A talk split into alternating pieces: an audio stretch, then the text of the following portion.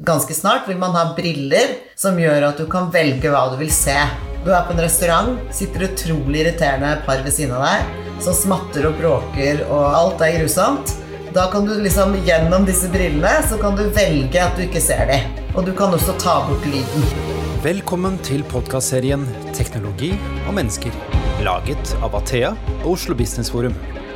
Vi har samlet de beste eksemplene på teknologi og digitalisering hvordan fikk de det til, og hva kan vi lære av dem?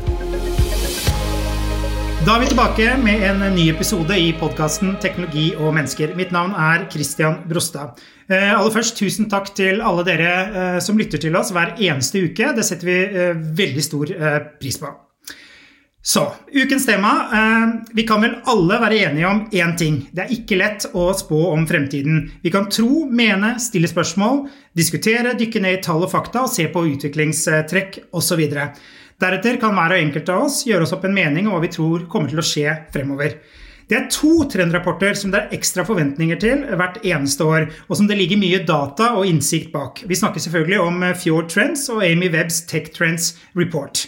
Nå er rapportene her, og vi skal plukke ut de viktigste godbitene fra disse rapportene for deg, så slipper du å gjøre jobben. Eh, og For å gjøre det så har vi med oss to flinke eh, gjester. Det er Tuva Lunde Smestad, som er service- og interaksjonsdesigner i Fjord Oslo. Og så har vi Ann-Kristin Hansen, daglig leder i Antidiffer. Velkommen til dere. Takk. Takk skal du ha. Vi er på hjemmekontor hele gjengen, ser jeg. Går det greit? Ja, savner litt folk. mm. ja. Men det går mot bedre tider, så vi får trøste oss med det, da. Uh, Tuva, jeg tenkte vi aller først skulle uh, snakke litt om hvordan uh, blir en trendrapport til? og hvordan har dere i Fjords jobbet for å skaffe dere liksom, oversikt og innsikt for å kunne sette sammen en sånn fet rapport? Jo, det er en veldig interessant historie. Vi, dette er jo 14. gangen vi sender ut en trendrapport. Og vi har jo alltid hatt fokus på at hele vårt eh, globale nettverk skal bidra inn i det. Så i år som tidligere eh, så har vi da gått ut til alle de ulike studioene i verden. Vi er jo nå rundt eh, vi er vel fordelt på rundt 40 lokasjoner nå rundt omkring i verden. Og alle studioene blir spurt om å være med på å pitche sine tanker og ideer til trendene. Så det starter f.eks. i år, så fikk vi utdelt en arbeidsbok som hvert studio fikk. Og så vi, tok vi i bruk Mural, som er dette digitale whiteboardet. Eh, hvor vi da fikk eh, rene templates, sånn at vi kunne sammen da følge samme prosessen for å finne og jobbe med disse ideene. Og så helt til slutt så ville da kjerneteamet eh, som jobber med Fjordtrends, hadde da et pitch-møter, kan man si, hvor vi alle da møtte opp. Og så snakket vi om våre innspill til trendene. Og det var dette som ble da underlaget da for de syv trendene som vi har publisert i år. Så hvert kontor må på en måte pitche sin idé til denne gruppen? Mm. Mm, det er spennende. Var det noen store forskjeller mellom disse noen og 30 kontorene? Det var mye likt i år, var vel det som var responsen fra kjerneteamet. Eh, vi alle har jo skal man si, 2020 vært gjennom mye av den samme eh, opplevelsen. Så vi har veldig, denne gangen en delt opplevelse som vi alle sammen kan kjenne oss igjen i. Så rapporten vår i år er jo veldig eh, Vi ser jo at den eh, er si, Effektene fra 2020 er jo gått inn i den rapporten også. For det har jo vært en stor påvirkning på hvordan vi både atferden vår og vanene våre og veien fremover. Så er, pandemien er jo veldig fremtredende i årets rapport. Mm. Uh, Amy Webb, uh, som både Fjords, uh, den trendrapporten deres, og Amy Webb ble presentert på South by Southwest forrige uke, som de kjørte 100% online. og Amy Webb sier jo at mye av de dataene Eh, metodeverket osv. Eh, har de lagt ut som åpne kilder, som folk kan bruke det. Gjør dere noe tilsvarende? Vi publiserer eh, alt sammen på våre nettsider. Så vi har både den fulle rapporten, vi har executive summaries og infografikk som gjør det veldig lavterskel. Alt om du har et par minutter eller noen timer da, til å sette deg inn i trendene. Og det er, Nå skal vi gjøre dette dyktippet, jeg gleder meg skikkelig. da, men hva, hva, Tuva, hva er liksom det overordna temaet for rapporten deres i år? Er det korona? Det er, det er veldig Den er påvirket av det. men Det er eh, 'mapping out new territory'. Som er da tema- eller metatrenden, som vi kaller det. Det pleier vi å inkludere i alle trendene våre tidligere også. Men denne gangen så handler det om at vi nå har vært gjennom et år fullt av eksperimentering. Vi har måttet um, finne nye måter å løse helt nye utfordringer på. Uh, og vi alle har derfor Vi vet jo ikke hvor vi skal gå. Vi vet ikke hva som er den riktige løsningen. Det ser vi jo alt fra hvordan politikerne våre uh, går frem for å finne løsninger, hvordan de skal håndtere disse stadige endringene. Uh, så Mapping of Territory reflekterer da det at vi nå har muligheten til å forme fremtiden slik som vi vil ha den. Fordi vi nå eh, lærer så mye og kan derfor tilpasse da, hverdagen vår til eh, hvilken retning vi ønsker å gå. Så det som på en måte blir si, hovedbudskapet i årets trender, det er for, spesielt for bedrifter og organisasjoner der ute, er det å bruke denne tiden til å eksperimentere og finne hvilken retning vil vi gå. Hva ønsker vi å ta vare på av det vi har lært, hva ønsker vi ikke å fortsette med, og hva vil vi plukke opp igjen fra det som var før. Ann-Kristin, du har jo ikke vært med på Amy Webb sin trenderapport, trendrapport, altså selve skrivingen din, men du har jo fulgt dette med arguske øyne over eh, flere år. Eh, hva tenker du liksom den Amy-rapporten den, den, er jo kjempefet. Det er liksom 500-600 slides, er det ikke det? Og mange hundre trender? Ja, Vanligvis så lager du én fellesrapport, men i år har de faktisk delt den opp i mange mindre rapporter. Så jeg tror det er 500 trendere. Så det er ganske mye å ta tak i. Så jeg har ikke tenkt å dypdykke i alle de trendene. Men jeg har bare lyst til å kommentere det Tuva sa i forhold til det der med at covid så, har så, hatt så mye Covid og politisk urolighet i verden har hatt utrolig mye å si for hvordan vi ser på trendene som blir eh, diskutert akkurat i år. Eh, og så tror jeg det er liksom en endring også, er det at teknologi er viktig, men mennesker er enda viktigere. Eh, og ikke minst det at vi kan, vi kan sanke så mye info vi bare vil, eh, og vi kan spå så mye vi vil, men, men det er lurere å bruke den infoen til å lære enn å spå. Og det syns jeg er litt sånn interessante ting, for det, det sier noe om hvordan vi skal tenke fremover. Eh, og dette året som Tuva nevnte, er jo vært eh, det året vi aldri håper vi får tilbake. Og, og, da har vi alle sammen, sikkert både på privaten og også i forhold til jobb, sittet hjemme noen ganger og tenkt oi, dette livet vi lever, og hvordan vi lever det, og hvordan jeg bruker det, og hvordan jeg bruker tiden min. og, og det syns jeg også kommer veldig tydelig fram i alle de trendene som har blitt presentert. Både i Fjords-rapporten, som jeg også har selvfølgelig lest igjennom, og, og Amy. Det er sikkert en del som lurer på hva er egentlig en trend Eh, jeg ser Amy Webb eh, sier at eh, altså den beskriver en eller annen form for fremtid. Noe som er trendy, er noe som kommer og går, mens en trend er noe som får en varig påvirkning. Hva tenker dere om den definisjonen? Tuva? Så det vi ser på når vi, skal, når vi jobber med å fremstille trendene våre, så ser vi jo først på signaler. Er det ting som skjer der ute?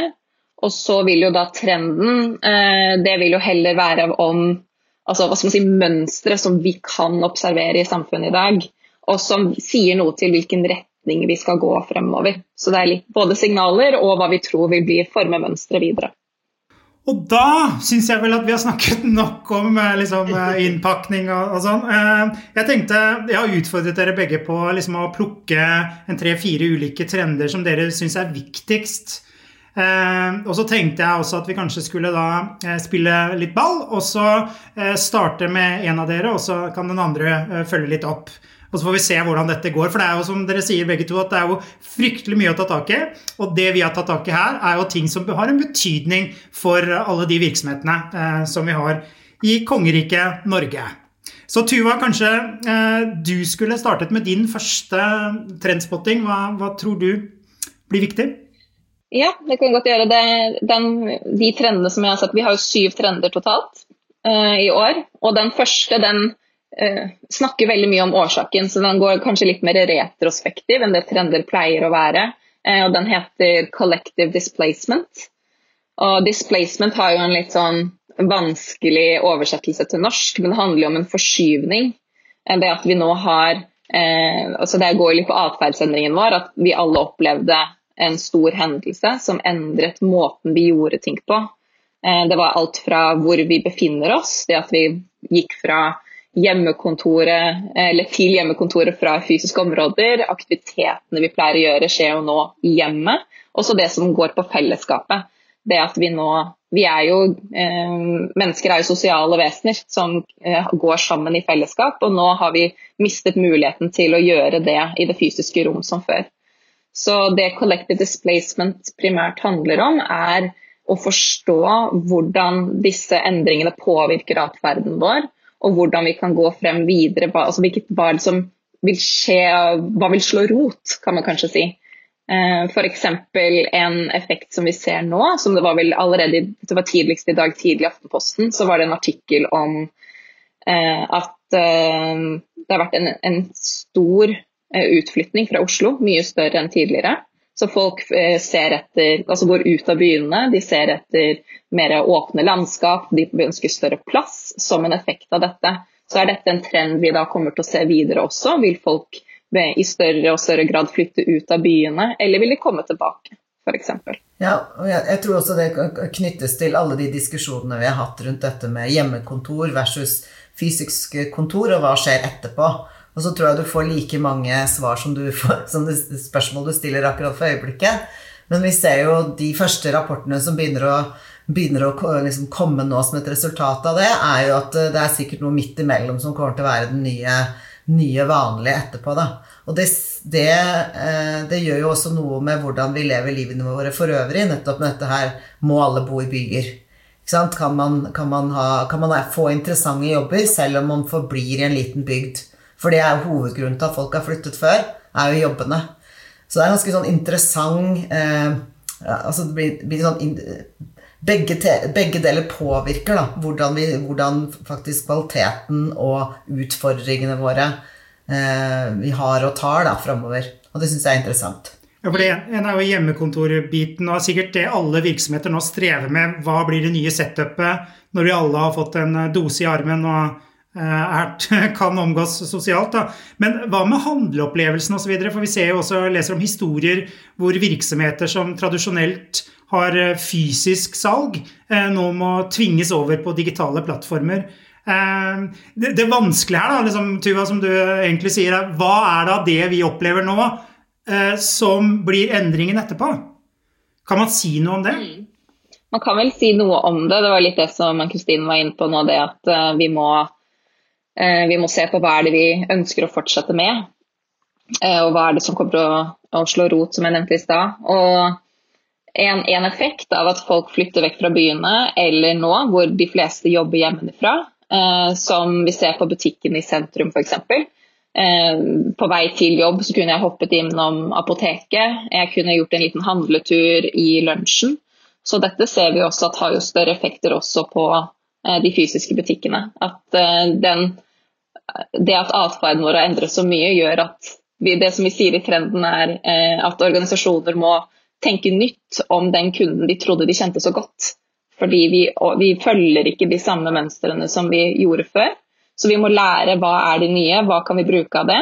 Men så ser vi også flere eh, innoverer på helt andre måter. sånn at eh, Hvis man hopper over til en mer digital løsning, så har de brukt butikklokalene f.eks. For, for å pakke og sende ut pakker derfra, selv om ikke de kan få kunder inn. Vi ser jo denne klikk og hent som har blitt en mye større del av det. Men så er det jo også, også utfordringer for um, det som mangler når vi ikke kan møte fysisk i en butikk, er at jeg får ikke opplevd produktet. Jeg får ikke kjent på teksturen, jeg får ikke sett om det passer meg. Det er veldig mange um, beslutninger som jeg trenger hjelp med, som jeg ikke nå får gjort da fra fra hjemme og gjennom skjermen. Det, det jeg syns er en veldig interessant trend, da, hvis du tar, drar det tilbake til, eh, til, Norge, eller Oslo, der hvor jeg bor, er jo dette lokale. Eh? Hvordan dette, dette, å kjøpe lokale produkter og bidra for at de lokale businessene skal holde seg i live i den ekstreme, vanskelige situasjonen vi er i, syns jeg er utrolig både altså Det er fascinerende og rørende, faktisk, å se på. Eh, jeg bor på Skøyen. Eh, og der ser vi liksom den lokale blomsterbutikken som åpnet midt under dette, dette, året som har vært, og snur seg om med en gang, og ja, så har de litt rann, en bitte liten nettbutikk som er, sånn halv, som er nesten på plass, men ikke helt på plass. De har Du kan ringe dem, du kan sende en SMS. De, stiller, de setter bare blomstene utenfor, og du stoler på at kundene vippser hvis de tar med seg en bukett. Eh, det jeg tror det kanskje den trenden jeg tror vi kommer til å se som et resultat av dette her, er at vi tør å eh, gjøre ting litt mer uferdig. Vi har lenge innenfor den bransjen som Tuva og jeg representerer, har vi snakket om det å NVP-er. At man lager et sånn nesten ferdig produkt og lanserer det. Så ser vi allikevel at det er ikke så mange som gjør det. Vi er opptatt av å lage Alt skal være så perfekt, og UX-en skal være helt eh, gjennomtestet, og tjenestereisen skal være definert, og vi skal ha brukt alle de riktige metodikkene for å gjøre akkurat det. Og så ser vi da en blomsterbutikk på Skøyen som tenker nei, nei, vi må bare overleve. Her bruker jeg det jeg har, og så går det, går det ganske bra. Eh, og så er det økonomisk eksepsjonelt vanskelig for dem, uten tvil. Men de, men de, skaper da en sånn nærhet og tilknytning til meg som bor i denne bydelen, at jeg aldri kommer til å handle blomster noen sted annet enn hos de igjen. Og sånn syns jeg det er når jeg snakker med mine venninner og, og, venner, uansett hvor de bor, så er det den liksom, samme opplevelsen. Og det syns jeg er eh, innovasjon på sitt aller beste. Eh, og den, den, type å innovere på tror jeg kommer, kommer, vi til å eh, Har vi lært mye av og kommer til å se mye av fremover. Det går veldig bare tilbake det med den eksperimenteringen. Det at eh, som jeg, som jeg, også har følt på, den, eh, det å, å, være komfortabel med ukomfortabelhet. Det å kaste seg litt ut i det, eh, prøve nye ting og få de tilbakemeldingene så raskt som mulig, og så iterere på det. Det, det er utrolig eh, vanskelig å skulle gjøre, i hvert fall de første gangene, men nå har jo flere blitt tvunget til å måtte gjøre det det siste året. Og jeg håper det er noe som slår rot, og at de ønsker å fortsette og denne raske endringen og tilbakemeldingsloopen som, som vi ser der. da. Helt enig. Og så, og så, tror jeg også det kommer til å ha mye å si i forhold til merkevarebygging. Eh, hvordan brands blir sett, og hvordan eh, vi, vi, lever i en verden hvor vi eh, hvor det er viktig å tenke på alle eksempel, miljø og politikk og alle disse tingene. Vi skal være liksom samfunnsengasjerte, men jeg tror den der lokale, hvordan brandet bidrar i forhold til eh, verden, og, eh, er positivt. da. Og så syns jeg det er litt gøy, for jeg har hørt et begrep som, eh, som jeg syns er litt morsomt, som heter fygitalt. Som er nettopp det der hvor man lar det digitale og det fysiske smelte sammen, og så blir det en slags kanal. Og vi har snakket om dette med kanalstrategier og sånn i 100 år, men jeg syns fygitalt synes jeg liksom beskriver det veldig godt. da. og så Tuva, tenker jeg, Du nevnte for så vidt det i stad. for uh, Det er jo mange virksomheter nå som uh, lytter på, som tenker at uh, ja, jeg kjenner kunden min, jeg vet hva kunden min vil ha. preferanse på kanal og gud veit. men så får du dette skiftet hvordan i alle dager skal du eh, Er virksomheter gode nok til å få med seg de endringene som skjer, sånn at de også er relevante rundt neste sving? Dette er litt vanskelig, er det ikke det? Jeg tror det er, ja, det er det. Um, man har jo nå etablert mange måter å sanke inn den informasjonen på og bruke den. Så her går det igjen på er den tilpasset også til disse store endringene som skjer. Hvilke nye teknologi eh, kan vi bruke for å fange den informasjonen. Så vi har jo sett noe med, med 5G, som er jo straks rett rundt hjørnet, og eh, personalisering, alle disse. Hvordan kan vi samle inn og bruke dataen på nye måter, blir vel utfordringen. Um, mm. Jeg skal bare si at jeg håper da, at jeg håper når vi kommer over kneika og skal leve i det normale, så håper jeg at vi tar med oss det at det er av og til ok å prøve ting, selv om det ikke er helt gjennomtestet og ferdig. For det tror jeg er noe vi, jeg tror vi lærer så mye av det, da. Uansett om du har en butikk, eller om du skal lage designe et klesplagg, eller om du skal uh, lage kaker, på en måte. Jeg tror det er bare noe, noe som det ligger noe i oss alle sammen. Det er å prøve litt og lære av det og ikke, ikke ta oss selv så innmari høytidelig alltid. Og ikke tro at det ødelegger merkevaren vår. For jeg tror det gjør det motsatte. Bra. Da tenker jeg at vi eh, Det er mye å tenke på her. Eh, men vi må hive mer opp i puddingen, holdt jeg på å si. Eh, Ann-Kristin, hva er din første take fra Amy Webb? Altså, jeg har jo vært så heldig at jeg har hørt Amy Webb mange ganger. Og jeg syns jo det er, det er noe veldig spesielt Hun er veldig flink til å til å få fram ulike trender, og så klarer hun å sette, sånn, sette, det inn i et perspektiv. Da. Og en av de tingene som har fascinert meg veldig de siste årene, er at alle, alt knyttet til helse. Og i år så snakket hun om noe som het You of Things. som jeg var veldig fascinert over. Og det handler egentlig om at det er kroppen vår eh, blir et slags nettverk. Altså at kroppen vår kan kobles mot ulike fysiske ting. Eh, og så um, og, og, da kan man bruke enkle ting som ørepropper, som jeg har i øret nå, til å, til å kontinuerlig måle om du har feber. Uh, du kan ha på deg uh, briller eh, som, som, måler ting rundt deg, atmosfære, andre ting. Da, og, så, og, så, og, så, blir dette som blir kroppen din, dette nettverket. Så du liksom slipper egentlig å gå til legen. Du er bare sånn en, Du på en måte monoter, moniterer deg selv hele tiden. Da. Eh, og så er det noe med alle disse tingene de snakker om, alle disse devicene og briller og ringer og øreplugger og toaletter og alt det en snakker om, så blir jeg alltid samtidig litt sånn Men personvern, da? og dataene. Og hva, hva, skjer? Jeg husker da jeg hørte på henne for noen år siden, så, spurte hun eh, hvem er det som eier DNA-en din. Eh, så tenkte jeg da og sa han, En ting er at du eier den kanskje du når den er i deg, men når du legger den fra deg, hvem eier den da? Og nå sa hun det samme om ansiktsgjenkjenning. Hvem, hvem eier dine ansiktsuttrykk? Hvis du dør, og, er, og, og, du er filmet, kan man da ta den filmen og, og lage liksom, botter og andre ting som er egentlig din identitet? da? Um, og det er klart I USA uh, så snakker man ikke like mye om personvern som man gjør i Europa for øyeblikket, og i Norge snakker vi veldig mye om det, og sikkerhet generelt. da. Men jeg syns det sånn jeg syns det er en utrolig spennende trend, eh, og jeg gleder meg til å se alt det som kommer de neste årene om senger som, som Hun hadde et eksempel hvor i forhold til miljøvern, da, så istedenfor å kjøle ned soverommet, så kunne man kjøle ned senga. Sånn at du sover i en kald seng, og så varmer senga seg opp igjen når du skal våkne. Og dermed så er det et bedre fotprint i forhold til miljøvern, ikke sant? Eh, det er, så det er utrolig mye som engasjerer meg, og så blir jeg litt sånn Men vent litt. Rann. Ok, hvis jeg er connected til alt mulig For det første, kan, kan jeg bli hacka? Kan, er det sånn da at hvis jeg går med en pacemaker, kan den bli hacka? Liksom? eh, og så hva gjør vi med all den dataen vi legger overalt, da? Eh, jeg har ikke noe svar på dette, for dette er langt overfor min kompetanse. Men, eh, men jeg, jeg, tror det er noe vi skal være veldig oppmerksom på, da. Det var jo Når du, det du nevner der, så kom jeg jo på den med bare smitteappen. Um, bare alt som hvor, Hvordan diskusjonen handlet jo om personvernet. Det var jo det vi startet med.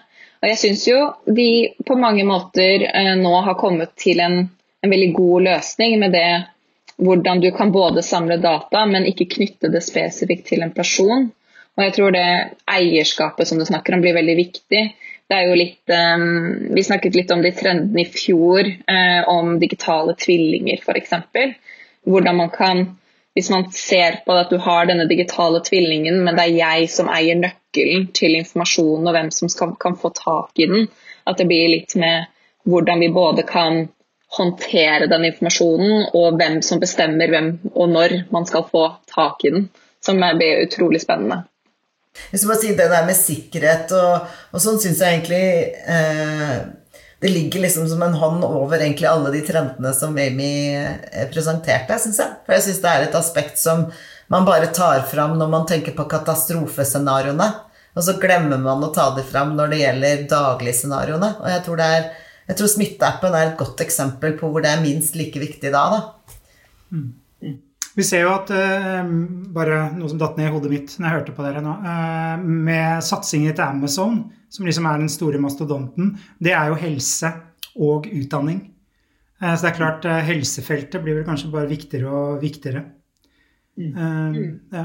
Spørsmålet er litt hvordan virksomheter kan anvende dette. For det er jo i grunn og bunn datainnsamling. Da. Man overvåker masse ting. og så Hva kan virksomheter bruke denne trenden til, Ann Kristin? tenker du?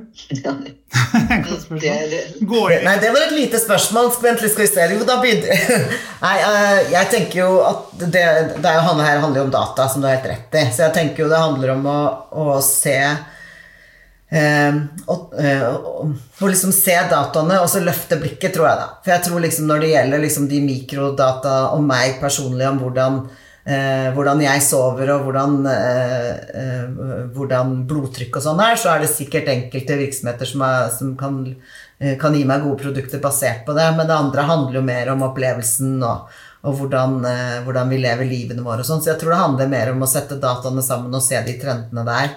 Og så tror jeg det handler om å være litt nysgjerrig og, og være litt foran. Så jeg tror hvis helse blir en så stor, mm, et stort tema som vi tror, da, så kan det nok være lurt å, å ha den vinklingen selv om du selger klær, da. Selv om du eh, driver et treningsstudio, så kanskje man skal fokusere på, eh, på helseaspektet istedenfor utseendeaspektet, f.eks. Så det er mye sånne ting som man kan knytte det tilbake. Men det handler om å effektivisere tjenestene ved hjelp av data, egentlig.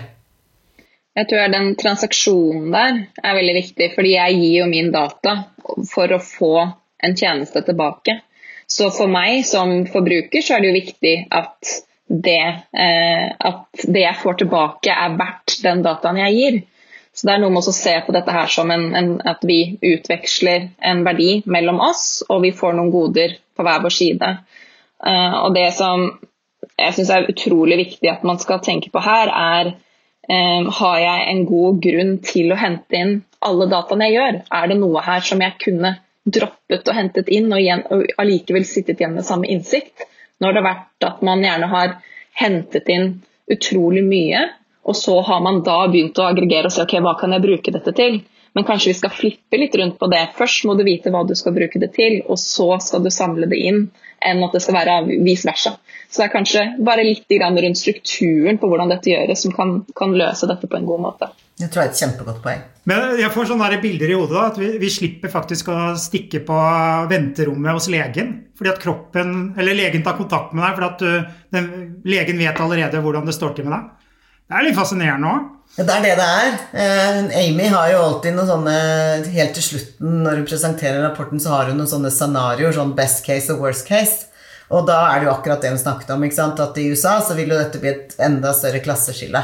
Da vil det være de som er rike, som har eh, gode nok forsikringer, at de tar vare på, eh, på eh, dataene dine, eh, som kommer godt ut av det. Og det kommer til å være en fantastisk liv, for de trenger aldri gå til legen igjen. Blir bare, alt blir bare korrigert automatisk eh, etter, ettersom du bruker toalettet, som du sover i den sengen som kjøler deg ned, som bruker brillene som ikke sant? Så alt blir bare fikset. Og så er det derimot ikke helt sånn for det andre. De som da ikke har penger til å til å kjøpe de tjenestene, eller som bor i land hvor det er helt andre eh, eh, folk som styrer landet. Så det er, det er et enormt eh, Det er en sånn flipside her, da, som er ganske alvorlig, som, eh, som vi må tørre å diskutere. Bra. Eh, jeg tenker, så Det her kan vi jo snakke timevis om. Det, kanskje, det tror jeg faktisk vi må ha en egen episode om eh, helseteknologi, for det er såpass spennende. Men Tuva, jeg tenker vi kan hoppe til din andre trend spot spotting, eller hva det heter. Ja. Ja. Så neste trenden som jeg ønsket å snakke om i dag, har jo det morsomme navnet eh, Sweet Teams are made of this. Og den handler jo om eh, dette med arbeidsplassen og den nye virtuelle hverdagen. Så det er flere aspekter eh, som denne trenden snakker om, men det viktigste er hva er det som skjer mellom forholdet mellom en ansatt og en arbeidsgiver når vi eh, fjerner eh, arbeidsplassen fra et fysisk rom. Og nå, da er dette spesifikt på de som eh, er i den posisjonen hvor vi har muligheten til å jobbe hjemmefra, og hvor driften da har gått fra et fysisk sted til et virtuelt område. Um, og utfordringene som vi ser Én um, ting er jo som vi har vært inne på allerede, det å hoppe raskt over og ta i bruk de digitale og den virkemidlene og den teknologien vi har tilgang på for å eh, kunne ivareta drift på en god måte. Eh, men så er det koordinasjon mellom ansatte, mellom teams, kommunikasjon. Alle disse tingene som blir mye vanskeligere med en gang man sitter spredt rundt.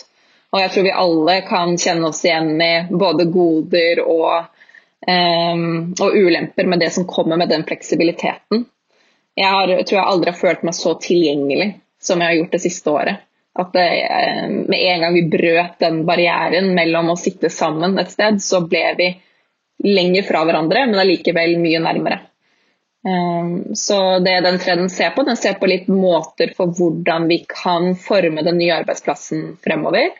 Og det går jo både på bruken av teknologi, det går på å skape en, en, en kultur som er tilpasset en, en virtuell eh, altså en arbeidsplass. Og så går det også på talent og kontroll. Og talent det går f.eks. på Eh, litt det med at, som vi snakket om i stad, at man går ut av byene. Eh, så kan man ikke Man trenger ikke lenger være bundet til et fysisk sted for å kunne søke på jobber. Så man kan jo nå som arbeidsgiver eh, finne talent helt andre steder enn man gjorde før, hvor man ikke er bundet til dette fysiske området.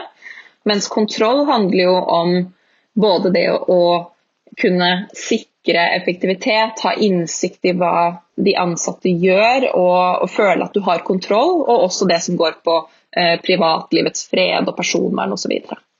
Jeg, si jeg tror dette temaet her er, det kommer til å diskuteres. Altså, vi kommer til å se artikler på det daglig fremover, nå som vi begynner å nærme oss på noe som vi tror er slutten. Uh, og så tror jeg kanskje at vi utvider vi vet at vi kan være vi kan, De fleste av oss da kan jobbe effektivt hjemme. Vi vet at, uh, at det går ganske bra. Men, men, hvis man hører på sånne skoledebatter, f.eks., så er det sånn spørsmål hva med det sosiale? Hvordan håndterer du det? En skoleklasse, ja, de kan lære matte. Men alle de andre aspektene som egentlig ikke handler om læring, men som handler om den sosiale læringen, som handler om er, jeg så et intervju på, av en jente i går, tror jeg det var, på, på Dagsrevyen, som eh, gikk nå i andre klasse på gymnaset. Og hennes eh, gymnaset var eh, hjem, hjemmeskole. Hun hadde enda ikke blitt kjent med noen, på en måte. Og det er sånn, Jeg tenker tilbake på min egen tid på videregående, og den handlet ikke så mye om eh, fagene. Den handlet mye mer om puserdagboka og de kjekke guttene og skolefestene og turene. Eh, og så fikk vi med oss litt skole innimellom, og så er det ikke det, men ikke sant, de går glipp av alt det. da. Og så skal de allikevel lære alle de tingene som vi forventer at de skal ha lært når de skal ut i arbeidslivet. Så det er en del sånn sosiale ting som vi ikke klarer helt å løse med, med det at vi sitter, eh, sitter på hver, hver, vår skjerm. Da. Mm.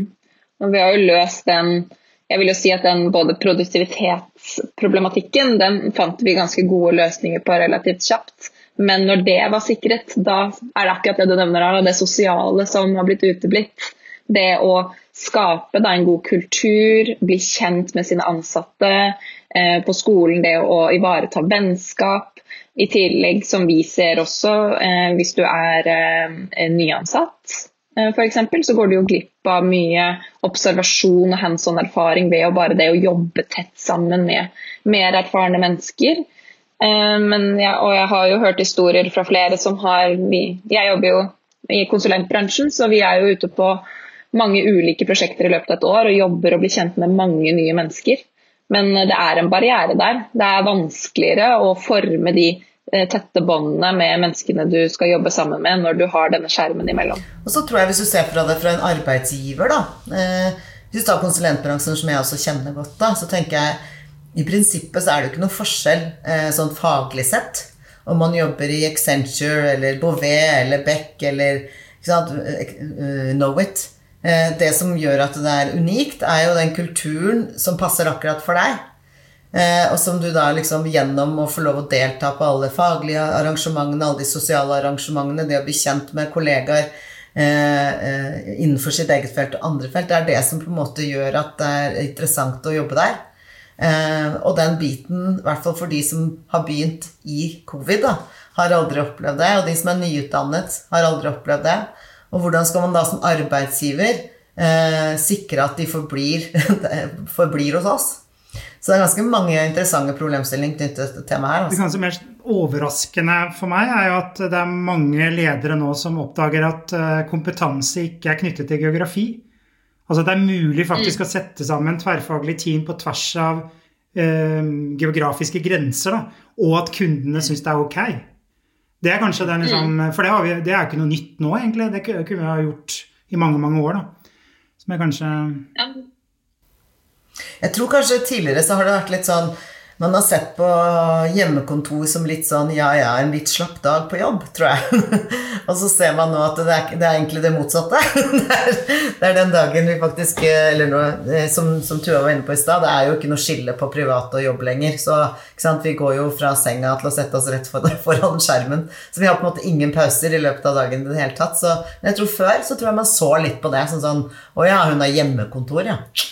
Sikkert på hytta i dag, da, eller? Ikke sant? Man har hatt sånne tanker, tror jeg. Og da tror jeg ikke man har helt klart å overbevise kundene sine om at uh, dette er også en måte som vi kan jobbe effektivt på, da. Nå har vi gjort det. Så jeg tror vi er ferdig med den diskusjonen. Ja. Er nå er vi overbevist. Det er jo, det, jeg tror det er terskelen som ble, ble senket, rett og slett.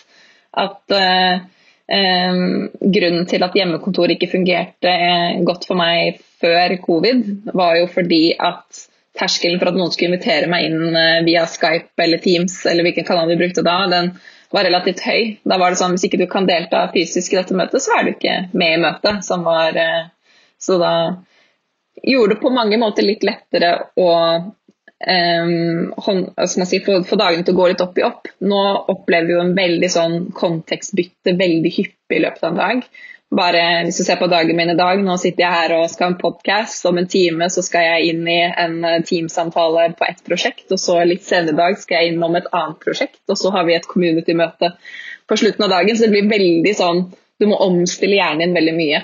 Eh, så det er, det er noen sånne eh, vi må se litt på sånne ritualer. Det å gå fra et møterom til et annet et, f.eks. Hvordan kan vi erstatte de øyeblikkene, slik at vi rekker å samle oss og eh, omsette oss til at nå skal vi inn og fokusere på noe annet. Det blir spennende å se hvordan vi kan løse det på en god måte. Da tenker jeg at vi, Det var bra, Tuva. Eh, vi kan jo også på dette, denne trenden snakke timevis, eh, men sånn, det har vi ikke tid til.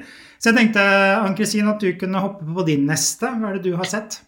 Eh, der har jeg der, eh, eh, Amy snakker om noe som heter assistive og diminished reality.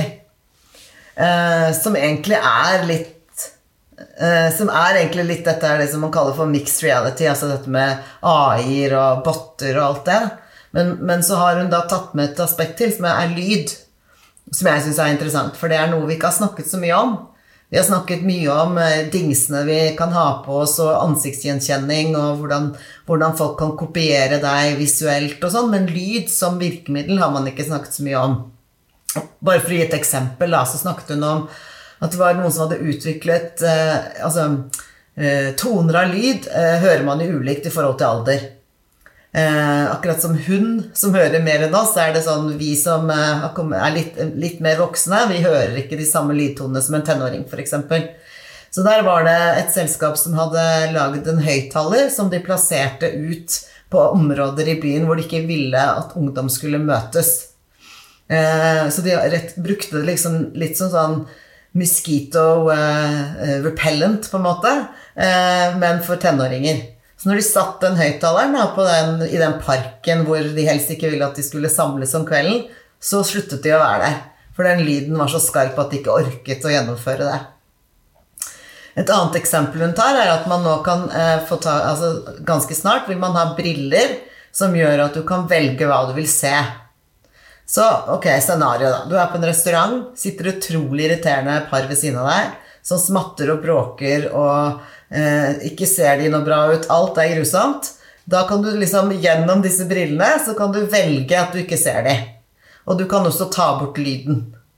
Så da kan du liksom sitte der og kose deg akkurat som de ikke er til stede. Men så er det en, en backside for det. da. Ok, Hvis vi skal gå rundt og slå av alle de tingene vi ikke liker, skal vi slå av alle de som, så vi ikke ser fattigdom lenger. At vi ikke ser søppel. At vi ikke ser de tingene som vi syns er skumle. Eh, det er jo ikke helt bra, det heller. Men det er en interessant diskusjon. Det høres jo helt sjukt ut at du bare kan ta på deg briller og så fjerne kolleger du ikke liker, ja, ja. eller i familieselskap, den jævla tanta Nå har jeg bare fine tanter, men eh, å fjerne de, da. Det er jo helt sjukt, Tuva. Er det sånn vi vil ha det? Mm. Nei, Eh, eller, og ja, eh, jeg tror det, er det, det her blir jo det, det viktig å se på Klarer man å skille mellom virkelighet og, og ikke? Så det blir jo litt, det er jo en, skal man si, en, en, diskusjon som alltid kommer opp med en gang vi får ny teknologi. eh, klarer man å skille mellom virkelighet og hva som ikke er det. Så her vil det jo være en, en, en balanse. Når er det riktig å begi seg inn i denne immersive, uh, alternative verdenen, og når er det jeg skal oppleve den virkelige verden. Det å fjerne ting vi uh, er redde for og ikke liker, det vil jo gjøre noe med hele vårt verdensbilde som kan ta oss en litt uh, Se for meg en litt farlig retning. Og ikke minst empati, eller da mangel av den etter hvert. eh, vi har jo sett noen statsoverhoder, uten å nevne navn, men de er ofte oransje, eh, som ikke er så veldig høy på empati. eh, og det, det, gjør noe med hvordan landet utvikles, det. Så jeg tror eh, det er, det, er, det, er, eh, det minner meg litt om sånn, når man ser sånne eh, sånne filmer sånn fram i tid hvor alt er perfekt, og de bor på en planet, og alt er rosa og, rosa og grønt, og så plutselig smeller det. Og det er akkurat som de brillene, tenker jeg. Da har vi gått rundt, så har vi tatt bort alt, alt det som vi syns er, er uh, ubehagelig, og så plutselig så smeller det. Jeg likte en ting som du nevnte der, også om det med lyd, eh, som var utrolig spennende. Også den, det med tilgjengelighet. Eh, vi har jo jobbet mye med digital design, så jobber vi jo mye med å med lesbarhet og sikre at uh, løsningene våre kan uh, At alle har, tilgang på det. Men det lydperspektivet det har jeg ikke tenkt på så mye før, hvor viktig det også er at du kan utelukke noen brukergrupper hvis ikke lyden er optimalisert for alle. Så det var utrolig spennende å høre. Og så er det jo sånne ting som er positivt, som er lett å se verdien av med en gang. F.eks. så snakket man om vinduer, hvor man bruker den der noise cancelling-funksjonen som vi har når vi hører på oss øretelefoner. At det finnes teknologi som gjør noe at ikke sant, eh, har du kontorer midt i, eh, midt i London da, hvor det er masse bråk, så kan man på en måte få den effekten på vinduene. Og kanskje etter hvert kan man bygge bygg som på en måte utelater å ta lyd inn. da. Eh, så det er jo masse, masse positivt med det, eh, og spesielt i forhold til det å, å, lage tjenester for alle. Det er jeg helt enig i. Bra. Eh, veldig god smakebit. Litt sånn skremmende og kult på samme tid, så det, det liker vi. Eh, Tuva, hva er din tredje? Min tredje er Interaction Wonderlust, heter den. Og den går jo langt mer inn i hvordan vi kan bruke teknologi for å løse mye av de utfordringene vi nå allerede har snakket om. Eh, og det går på det at eh, nå som vi har flyttet alle, eller forskjøvet alle aktivitetene våre, opplevelsene våre til foran skjermen, så opplever vi dette som veldig monotont og kjedelig. Fordi uavhengig av om jeg nå sitter og jobber med, altså gjør en oppgave på jobben, eller om jeg tar del i en fritidsaktivitet sammen med en venninne f.eks., så er alt over skjermen, og alt oppleves likt. Så vi får ikke noen Vi blir ikke stimulert lenger. Eh, kreativiteten er litt eh, fallende. Og det går jo på at vi har hatt en lang tradisjon nå de siste årene på eh, standardisert design. Vi bruker mye templates og vi har fjernet veldig mye for, at ting skal poenget skal komme gjennom så fort som mulig. Så, her, så, det den trenden går på, er hvordan vi kan eksperimentere med ulike former for stimulering. Og det er også det som Ann-Kristin nevnte i stad, husker jeg ikke begrepet du brukte, men dette med å merge det fysiske og det digitale. Hvordan vi kan bruke det beste fra begge verdener. Fysikale. Ja. Figitale. eh, og at ikke alt må handle om skjermen, men at vi kan, ha, eh, vi kan gjøre aktiviteter eh, i det fysiske rommet vi befinner oss, men at vi kan eh, at vi kommer sammen gjennom skjermen. Men aktiviteten må ikke alltid være skjerm. Det er litt det det går ut på her. Et eksempel på det er det jeg leste vel forrige uke om det, husker jeg ikke navnet på selskapet, hvor de hadde utstyrt alle ansatte med VR-briller. Og laget sånn mm. rom, eh, møterom, sosiale soner, hvor du egentlig bare kunne ta på deg, og så fikk du det en sånn digital tvilling av deg selv. Da. Er det den mm. type opplevelser du snakker om? Ja. Så det er både bruken av eh, VR eh, og AR-teknologi, men også Det er kjempespennende. Og jeg tror det vil løse mange problemer vi har, spesielt med samarbeid og det å jobbe kreativt sammen fra ulike områder. Men det går også på det å, å eh, benytte Ikke glemme det fysiske rundt deg. Jeg, kan ta et eksempel. Um, ja, la oss bruke f.eks. Eh, paint and zip. Da. Um, hele deres tjeneste var at man skulle komme sammen og ta del i en aktivitet hvor man skulle drikke litt god vin og male sammen. Men de har da, eh, etter at eh, alt stengte ned, så kunne de ikke få folk til å møtes. Men da, hva gjorde de da? De brukte de virtuelle virkemidlene vi har, som f.eks. en Teams-kanal og hjemmelevering. Så vi sender ut alt til folk hjemme, og så kan vi møtes gjennom skjermen, men vi jobber med noe fysisk i dette livet. Så hvordan kan vi eh, Så ja, VR er utrolig spennende, men kan man ivareta dette og fremdeles beholde de fysiske objektene? Tror jeg blir en utrolig spennende utfordring. Mm. Vanligvis går vi på konsert og tettpakka, men kanskje vi da opplever det på andre måter. Og det er jo eksempler på hologrammer og, som man har brukt. da. Så, hva tenker du Ann Kristin? Er det. Når det gjelder konsert, så må jeg si at jeg gleder meg veldig til å stå i sånn trang kø i baren og få noen som skumper øl på meg igjen. Det må jeg si det gleder jeg meg veldig til. Men jeg tror, jeg tror, vi kan knytte det også litt til eh, Hvis vi ser på organisasjonsstrukturer vi har, vi, har, vi, har, snakket om alle disse siloene i hundrevis av år. Hvordan eh, en avdeling har ansvar for de fysiske kanalene, en annen avdeling har ansvar for de digitale kanalene, en tredje har ansvar for HR. Og disse, alle disse tre tingene er ekstremt tett knyttet. Og jeg tror kanskje når vi tar disse eksemplene som, eh, som det, det maleeksempelet, eller alle disse matkassene som nå blir sendt hjem Jeg vet jo om mange som har hatt sånne bedriftsarrangement hvor det, alle ansatte får mat servert hjem, og så har de en kokk, da, og, så, og så lager de mat sammen.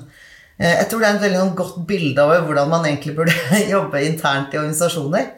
Så kanskje dette kan hjelpe oss til å liksom frigjøre oss litt fra de eh, silotankegangene som vi har snakket om å frigjøre oss fra lenge, men ikke helt klart å gjøre. Det er i hvert fall et håp. Enig. Skal vi hoppe til neste her? Det er jo igjen masse muligheter her som jeg håper mange griper. da. Men din eh, tredje, hva er det, Ann-Kristin? Den passer egentlig litt godt da, i forhold til bare dra det litt videre. Uh, tredje er det som heter synthetic, synthetic media. Jeg, og det er jo sånn AI og botter og alt mulig sånn, men jeg tenkte at det jeg, skulle, det jeg syns var litt fascinerende, er det de kaller for digital mote. Eh, og det ser man en sånn ordentlig oppblomstring nå eh, i det siste året, hvor vi alle har sittet i digitale kanaler og snakket sammen. Hvor man rett og slett kan bestille eh, klær. Digitale klær som man kan ta på seg eh, når man snakker med folk i digitale møter. Eller hvis du skal ta et bilde av deg selv og legge på Instagram. Eller, så, så det, er liksom, det er på en måte den, det merkevaret du selv ønsker å bygge om deg selv da, ut i verden. Eh, mange eksempler f.eks. på bryllup som ikke kunne eh, bli eh, Som ikke ble sånn man hadde tenkt. da. Så har man da kunnet bestille digitale bryllupskjoler. og sittet og allikevel på en måte hatt et slags selskap, da. Eh, og det er jo egentlig en litt sånn forlengelse av det Tuva sa. Men jeg, jeg, for meg har det aldri liksom falt meg inn at jeg skulle kjøpt meg en ny digital kjole for jeg har et Teams-møte i morgen. kan jo hende at for at jeg har 120 kjoler i skapet, så det kan jo hende at jeg har noe med det å gjøre. Men, men ja, men jeg syns det, det, er morsomt da, hvordan, eh, hvordan det blir eksperimentert med. Jeg synes det hørtes kjempespennende ut. Uh, og, og det, er jo, det, er jo, noe som vi har fått drypp av gjennom sosiale medier, uh, spesielt i lengre tid, sånn som Snapchat med disse filtrene sine. Du kan uh, våkne ganske sliten og usminket, og så på et bilde så er du helt perfekt. Sånn at du alltid kan fremstille seg fra den beste siden. Så jeg ser jo, absolutt noen, noen fordeler med en slik med slike løsninger. Jeg lurte på, eh, Sitter man da, Ann-Kristin, eh, er man liksom uten klær, og så kjøper man en digital kjole å ta på seg, eller hvordan funker dette egentlig? Du må ha på altså, deg Man må i hvert fall være litt trygg på at den virker, tenker jeg, hvis du skal sitte der. Eh, jeg må innrømme at jeg personlig har ikke prøvd, da, men jeg, jeg, tror nok kanskje at jeg ville tatt på meg litt klær under, i tilfelle det skulle være et øyeblikk hvor det ikke virka. Men tanken er vel det, at de erstatter de klærne som vi fysisk har på oss. Det er jo det som er ideen, ja. Jeg har jo sett eksempler hvor de har eh, nå brukt samme tankegang, men der er det mer for å eh, prøve på ting før du kjøper det. Så det er jo en ting som mangler nå, er at eh, hvis jeg skal kjøpe meg noen klær eller et produkt eller hva det skal være, så vet jeg ikke hvordan det vil se ut, eller om det passer. Så det kan jo henge både da sammen med et hjelpemiddel for å eh, hjelpe meg å ta bedre valg av hva jeg skal kjøpe ved å prøve det på i en digital setting. Men jeg likte veldig godt det at det også erstatter Eh, det, er, det var utrolig spennende. Det er jo litt bærekraft òg, dette, er det ikke det? Slipper mm. å kjøpe disse brudekjolene. Folk gifter seg vel to-tre ganger i løpet av livet, så det er greit å Det er litt kjipt å bruke samme kjolen, kanskje. Nå ligger jeg bakpå. Jeg har ikke vært gift en eneste gang, så jeg får, får se hva jeg gjør med det.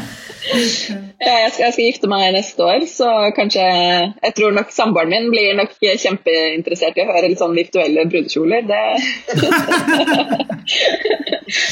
Vi får håpe vi har kommet men, men jeg tror jo det blir veldig viktig i forhold til det akkurat det som Tuva er inne på. Det med, eh, det med å få en opplevelse av plagget kan være når du skal kjøpe det, kjøpe det i en nettbutikk. Ikke sant? Jo, jeg husker For noen år siden så var det en tidligere kollega av meg som fant et sånt produkt hvor du kunne bestille en slags sånn bodysuit med masse sensorer på. som på en måte da kunne, Så du fikk tilsendt denne bodysuiten, og så kunne den hjelpe deg til å på en måte se om klær passet. Det er veldig slitsomt. Så det er klart hvis de kan gjøre det bare ved å bruke eh, bruke kameraer og andre ting uten at jeg må liksom eh, tre på meg en bodysuit hver gang jeg skal ha på noe gøy, så er det bra. Så jeg tror det er der spesielt, da. Og det andre er jo litt mer sånn gøy.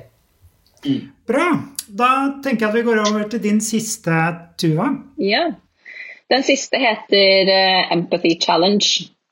Og det går jo veldig den, den, Det er en utrolig stor uh, trend. Den prater om utrolig mye som har skjedd det siste året. Eh, spesielt så er det denne synliggjøringen av ulikhetene i samfunnet vårt, og også hvordan eh, nye har oppstått med pandemien. Så vi har jo lært veldig mye om strukturene i samfunnet, og vi ser også globale likheter eh, i dette. Og for eh, hvordan dette treffer organisasjoner og bedrifter, så handler det litt om å håndtere ulike narrativer. Hvordan skal man eh, vise empati som en bedrift. Til hvilke grupper, hvilke valg skal vi ta, hvem skal vi støtte, hvem skal vi ikke støtte. Det, det går litt på det at eh, det, det, er umulig å være empatisk mot alle hele tiden. Man må eh, ved å støtte noen, så ekskluderer man noen andre. Så trenden går ut på hvordan vi kan håndtere dette på en god måte. Hvordan kan vi bygge dette inn i våre kjerneverdier og, og ha et utgangspunkt som hjelper oss i, i, hvilke narrativer vi ønsker å være med på å støtte og fortelle. Eh, så jeg tror det er en utrolig spennende, spennende trend, eh, og den blir veldig viktig fremover. Det går også på eh, de nye generasjonene nå setter mye større krav til hva bedrifter står for. og alt fra bærekraft til likestilling og andre temaer som går på etikk. Og det vil derfor være kjempeviktig fremover, både for de nye ansatte som du skal tiltrekke, at de ønsker å være en del av bedriften din, så vel som de du skal selge eh, eller tilby produkter eller tjenester til. Jeg, jeg, jeg syns vi ser det veldig tydelig jeg, når jeg ansetter nå. Så får jeg helt andre spørsmål enn det jeg fikk for bare fire år siden av nyutdannede. Det er helt andre ting de er drevet av enn, enn tidligere. Eh, og så tror jeg hvis vi bare tar liksom hvis vi liksom bare En litt sånn rød tråd da, gjennom alle de temaene vi har snakket om i dag, så er det jo dette med etikk. Og det ligger jo som et sånt teppe over det hele. Ikke sant? Eh, bare tilbake til de der brillene som kunne ta vekk enkelte ting. Det er problematisk når du, når du tar bort, ting, tar bort svake, de såkalte svake i et samfunn. Ikke sant? Så det er masse etiske problemstillinger som er knyttet til digital utvikling. Da. Og vi ser jo at uh, man har jo hele tiden tenkt at med ny teknologi og mer digitale tjenester, så vil det gjøre verden mer bærekraftig. Uh, men det vi ser er jo at det motsatte egentlig skjer. At uh, skybaserte tjenester er med på å øke utslippene. jeg leste jo en sånn hvor, hvor mye hvor mye altså det karbonfottrykket bare mailen har, det å om du tar vare på en mail eller om du sletter den. Så det er mange ting man, disse usynlige barrierene som kommer. Så, men det som er viktig i denne utfordringen, det vi kaller den jo for empathy challenge. Vi sier at det er en utfordring, og den er utrolig vanskelig å håndtere. Men det er det å ha, ha denne dialogen, det å være åpen om det, bygge det, ha, snakke med både de ansatte ut hva, hva ønsker vi å stå for, hvem vil vi være, hvordan ønsker vi at andre skal snakke om oss. Og det går jo både på det som vi utformer oss som individer, men enda viktigere da som organisasjon. Helt enig. Da tenker jeg at vi eh, hopper over til din siste, Ann-Kristin. Den, eh, den, er jo litt i den eh, samme. Det er også en sånn enorm en. Eh, og det er den derre 2020 resulted in a new world disorder, sier Amy Webb. Eh, og det er jo litt det samme. Og i den så ligger jo åpenbart empati, men det ligger aktivisme, personvern. Eh, overvåkning. Hun tok fram et eksempel da, hvor overvåkning plutselig har blitt liksom greit i løpet av det siste året i redselen for covid. Eh, det er å, er lett å ta fram Kina som eksempler, da, for de har jo litt andre mm, regler i forhold til personvern der enn hos oss, men der er det jo eksempler hvor droner har blitt brukt til å nesten jage folk hjem, liksom. Eller hvor man eh, bruker ansiktsgjenkjenning Eh, eh, i f.eks. disse riotsene som var mot Kongressen i USA i etterkant.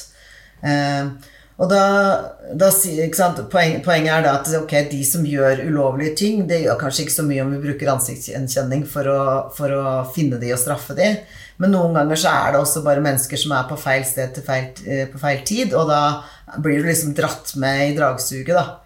Eh, og så er det jo noen, noen etiske spørsmål om om eh, vi skal la utviklingen gå hvor man derimot liksom, at, at, virkelig Big Brother overvåker alt det du gjør og sier i løpet av en dag gjennom, gjennom med teknologi, da.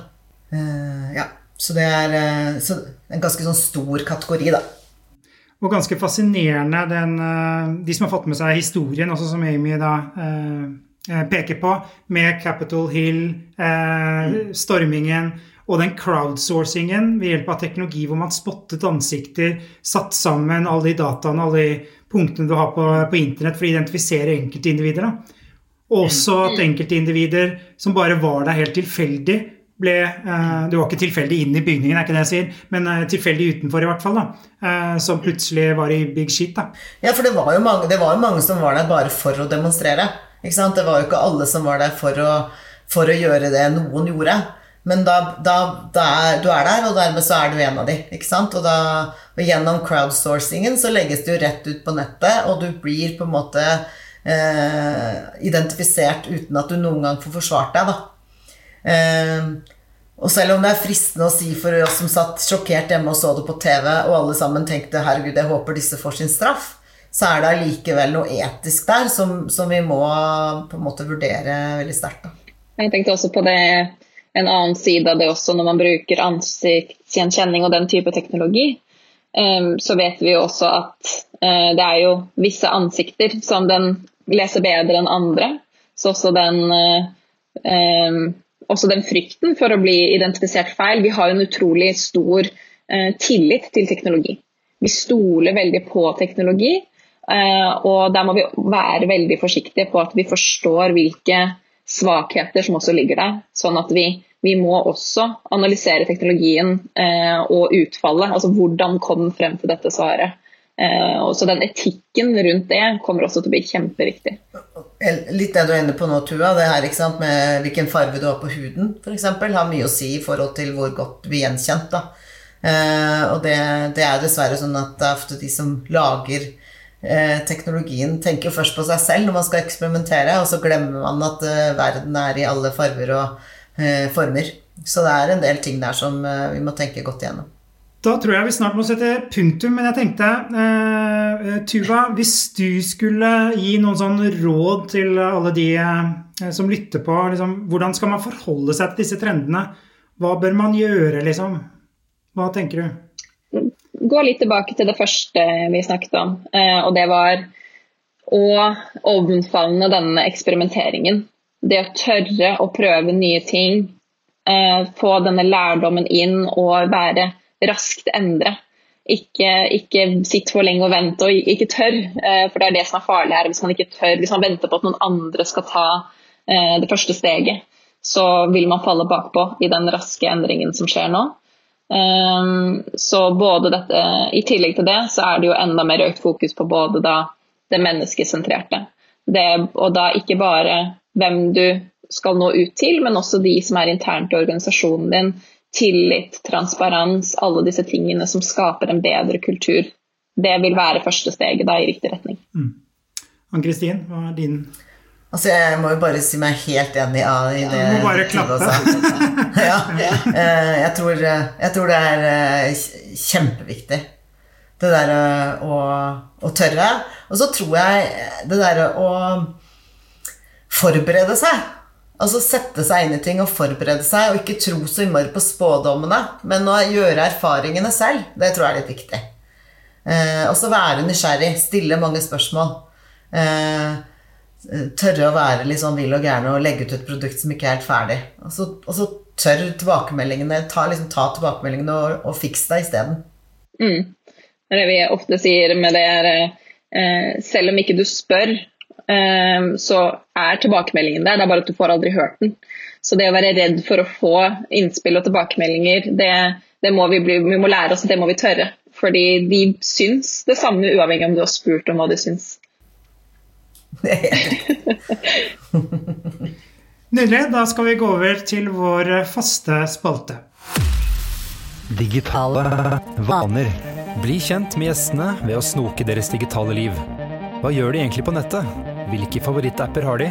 Er det streaming eller linær-TV som gjelder? TikTok eller Snapchat? Vi spør i Teknologi og mennesker. Da skal vi snoke litt i deres private digitale liv. Og greia nå er at dere får eh, to alternativer eh, og må velge ett av dem.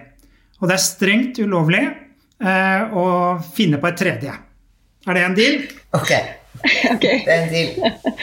Eh, da tenker jeg vi skal starte med deg, Tuva. Eh, digitale eller fysiske møter? Fysiske. Og Kristin, er du der òg? Fysisk. Fysisk, fysisk. Alltid fysisk. Fysisk? Du er alltid fysisk. Bra. Eh, Instagram eller TikTok? Tuva? Oh, vanskelig. TikTok. Instagram. Er du veldig aktiv på TikTok, Tuva? Jeg har laget noen videoer sammen med niesen min på tolv. eh, men jeg er mest en Jeg konsumerer. Jeg, er ikke, jeg lager ikke så mye. Ja, de er grisegode på algoritmer, for øvrig. Mm. Eh, begynner med deg, Ann-Kristin. da. Eh, emoji eller tekst? Jeg tror nok tekst. Mm. Men spliter opp med en emoji. Mm. Mm, det gjør jeg. Og Tuva, du er, der er det bare emoji? Nei, jeg går for tekst. Jeg gjør det. Jeg liker å sprite opp med emoji, men, men tekst. Store problemet er jo ofte å vite hva disse emojiene betyr. Det er jo en egen episode. Forrige episode kan man lytte til da. Ja. Eh, Nest siste her, Tuva. Ringe eller sende meldinger? Sende meldinger. Mm, Den måtte du tenke lenge på. Mm. Ringer du mer nå? Om jeg ringer mer nå? Ja, kanskje. Uh, ja, jeg tror nok, men nå, nå er det med alle videomøtene og det å skulle på fritiden sin også gå inn i enda en sånn eh, ansiktsløs eh, samtale. Så meldinger jeg er nok av den generasjonen som syns det er veldig lavterskel og enkelt å holde kontakt med flere. Mm. Ann-Kristin? Ja, det er nok meldinger. Men eh, øh, jeg syns det er jeg synes det er litt sånn spennende å se hvordan uh, dette året utviklet seg for meg. Altså, i, i begynnelsen av året, altså når covid kom, så var jeg veldig flink og veldig opptatt av å ha veldig mye kontakt med mange hele tiden. Så jeg ringte, og hver gang jeg gikk en tur, så ringte jeg en ny og snakket med de. Og venninnegjengen hadde sånne, ofte sånne møter på kvelden hvor vi satt og skravla. Men nå tror jeg liksom at jeg kom til en punkt hvor jeg bare er helt metta. når jeg er ferdig med arbeidsdagen og har sittet i åtte timer i Teams-møter, så er jeg bare sånn vet du, Ok, jeg er ferdig for i dag, liksom. Jeg liksom orker knapt å ringe noen, så nå er jeg tilbake på meldinger. Kjenner meg veldig igjen i det. Da er den siste, Tuva, og den er litt på kanten, men dette tåler dere. Eh, ikke dusje på en måned, eller ikke ha internett på en måned? Oi. Um, vet du hva, den, den, var vanskelig. Jeg lurer på om jeg skal ikke internett på en måte.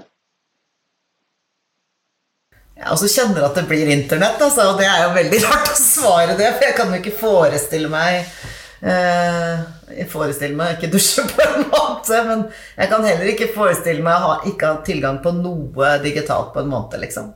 Jeg tenkte, det blir en, Hvis man skulle måtte tatt valget, så tenkte jeg det hadde vært en fin eh, ferie. eh, å droppe internettet. Men jeg tror ikke ferien hadde vært like fin hvis vi hadde droppet dusjen. Så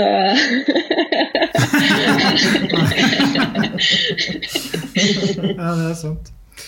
Eh, Tuva og Kristin, tusen takk for at dere kunne være med. Og jeg er helt sikker på at eh, mange har blitt mye mer nysgjerrig. Eh, vi legger selvfølgelig ut lenkene til de to rapportene for de som ønsker å lese det. Og så tenkte jeg på første gang i historien at det skulle komme et sitat. Det pleier jo ikke jeg å gjøre, for jeg hater jo sitater. I hvert fall på Instagram. Men denne syns jeg var så bra, eh, og det er jo han vår kjære Abraham Lincoln som har sagt en gang The best way to predict your future is to create it. Den syns jeg var så nydelig, så jeg tenkte den passer fint som en avslutning. Tusen takk, og tusen takk til eh, alle dere som har lyttet på. Du har nå lyttet til Teknologi og mennesker, laget av Athea og Oslo Business Forum. Liker du podkasten, setter vi stor pris på om du gir oss noen stjerner. Og tips gjerne en venn om podkasten.